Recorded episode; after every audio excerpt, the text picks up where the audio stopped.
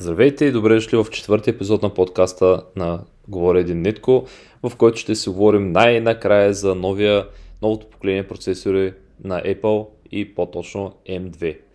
А, чаках повече от година, докато най-накрая се накане се взема Apple.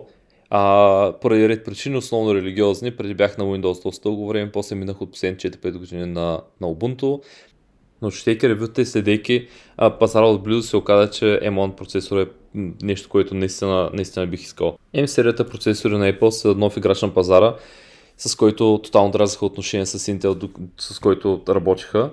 И това докара до известни сътресения в, и в Intel и огромни подобрения и огромни, огромни плюсове за Apple. Както и да е, след като нали, стана ясно, че Intel вече са малко извън играта, особено на 5 мм пазар, а, Apple доказа себе си като един брутален играч, който, който наистина може да, може да разтърси пазара и пуснаха един ARM базиран перформанс процесор, който а, прави някакви абсолютни чудеса.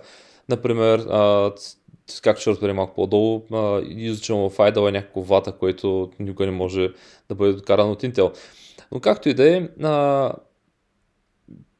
чаках година, година и малко, докато се взема M1, защото очаквах, че всеки момент ще итерира втора версия с M2. И чаках, аз чаках, обаче те изкараха Pro Max версиите на, на, M, на M1 процесорите и реших да, да взема лаптоп на една година, който ден ще ми брутална работа малко отклонение, но се оказа, че M версията, а, M серията е измислена брилянтно, защото може да се закачат серийно една брой процесори, един с друг и така, примерно Max или Pro версията представлява няколко а, серийно закачение M1 без процесора. Това осигурява почти безкрайни възможности за апгрейд. Минус е, че използва и, и плюс е съответно, че използва Unified Memory, която е памет, която е вградена директно в, в процесора, е супер бърза но ограничението от архитектурна гледна точка за момента е само 16 гигабайта при M1, така че това не може да го апгрейднем. Може би към момента M серията не е чак толкова готова за сервер грейт решения, но съм убеден, че това ще се промени в съвсем скоро време. Като, например, вярвате или не, има Atom версии на Atom процесори, които се използват от Supermicro и са за, за low voltage сервери и, и се работят доста добре. А, и така, чаках новия M2, чаках, чаках накрая си взех едно M1, което е брутална машина, страхотно лека, бърза, по-бърза от моите така или иначе доста високи очаквания, защото все пак Firefox си иска своето. А, невероятно тиха, може би защото единствено подвижно нещо в нея е копчета на клавиатурата.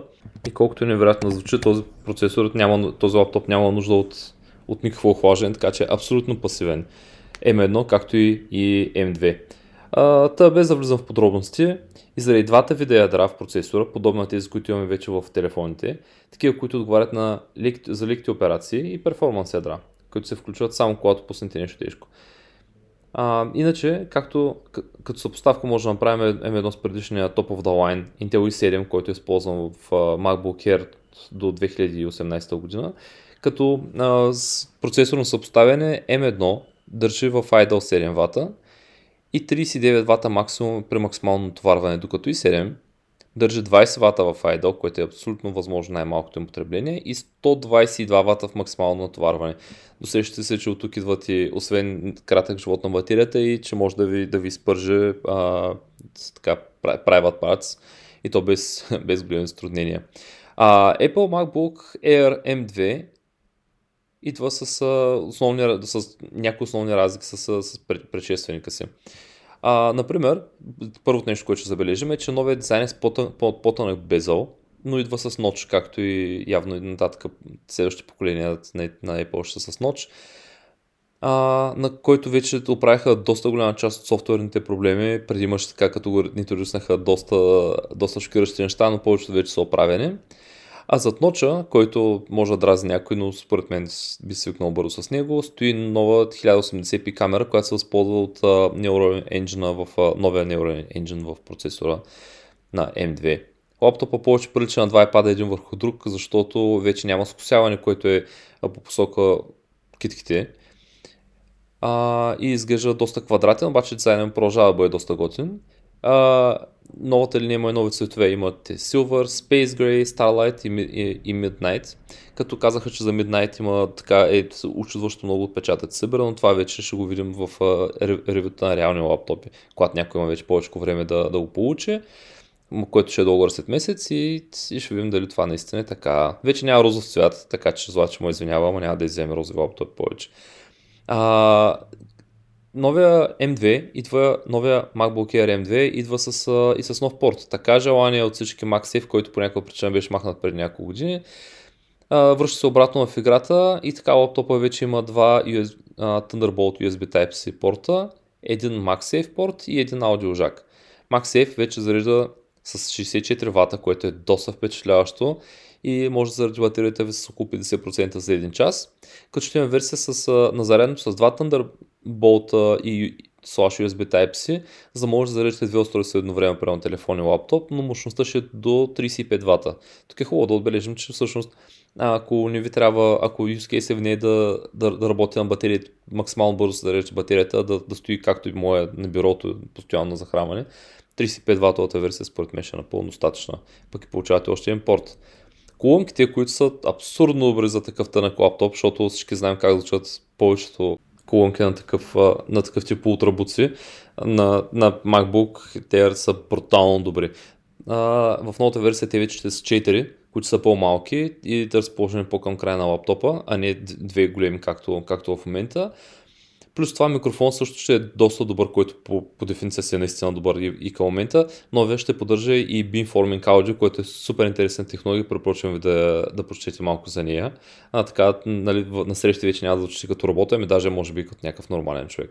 Дисплея, който по традиция е нечовешки, както и в новия MacBook Air M2 ще е, както написах и по-горе, с по-тънък безел, малко по-голям, 13,6 инча заради безелите и по-ярък. Ще е до цели 500 нита а, по-ярък, като, а, като дисплей ще е същия като параметър с MacBook Pro и ще има новата 1080p камера, за която говорихме по-горе. Процесора е вече с 4 милиарда транзистора повече, което не е малко, с до 2 GPU ядра повече отгоре. А, като TDP и частотата му не са анонсирани в сайта на Apple, но предполагам, че няма да е много по, да са по-различни от, от M1 серията. Ще има 8 TOPS повече, което е трилион операции за секунда за Neural Engine процесора, който се използва за, за AI, е оптимизиран, както и за обработка на видео, на аудио и на, а, на подобни неща. Камерата също се възползва доста от него, за да може да, а, да изгледате като човека, не като, като бот. И RAM паметта е увеличена до 24 ГБ Unified RAM, за съжаление, това е малко изненадващо, защото аз чаках да е поне до 64 гигабайта, но от архитектурна гледна точка явно е поемат някакви сериозни затруднения да, а, да увеличат паметта като на всеки а, на всеки X86 процесор, на който адресната памет е много повече. Но както и да е, сега в момента е 24 гигабайта, мисля, че use case е, окей. Okay. Аз съм с, с 8 гигабайта RAM, с най- най-малкия, най-низкия клас на M1 и да ви кажа честно, до момента никога не ми е vol т.е. out of the memory. А, и нещо, което е наистина шокиращо, аз доста изненадах, така доста положително е, че memory bandwidth е апгрейднат от 68,25 гигабита за секунда. Това е скоростта на, на, на, на memory шината, на RAM шината и преди използваше а, low power DDR4 RAM, а сега memory bandwidth стига до 100 гигабайта за секунда, като а, използва DDR, а, DDR5 Процесора, както и предшественика му е с 5 нанометров процес, който е нали, супер важно. И в общи линии, грубо погледнато, M2 е с около 20% по-бърз и с около 30-35% по-бързо, по-бързо а, видеокарта има. Батерията продължава да, да е жестока, супер брутална и с, с 18 часа живот. Това е при видео плейбек. При браузване, при лайт браузинг, наречен при тях е около 15 часа като моят опит показва, че батерията на M1 може да изкара поне комфортно един ден, да не каже един и половина на, на един заряд.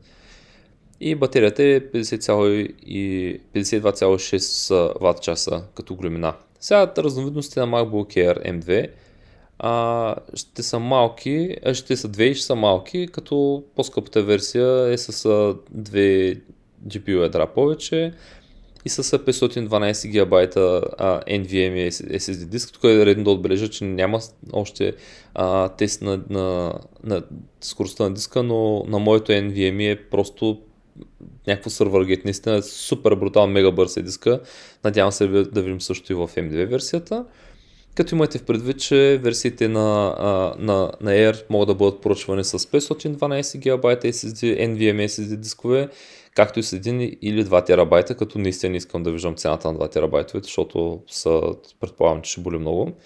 А, цените, които са обявени, са малко неприятна изненада за мен, макар че всички го очаквахме и те са, че най-ефтината версия вече е с 200 долара по-скъпа от M1 или 1199 долара с 28 ГБ RAM, 256 ГБ SSD диск и 1499 долара за версията с повече GPU Cores, 2 GPU Cores повече, двойно повече RAM и два пъти по-голям диск.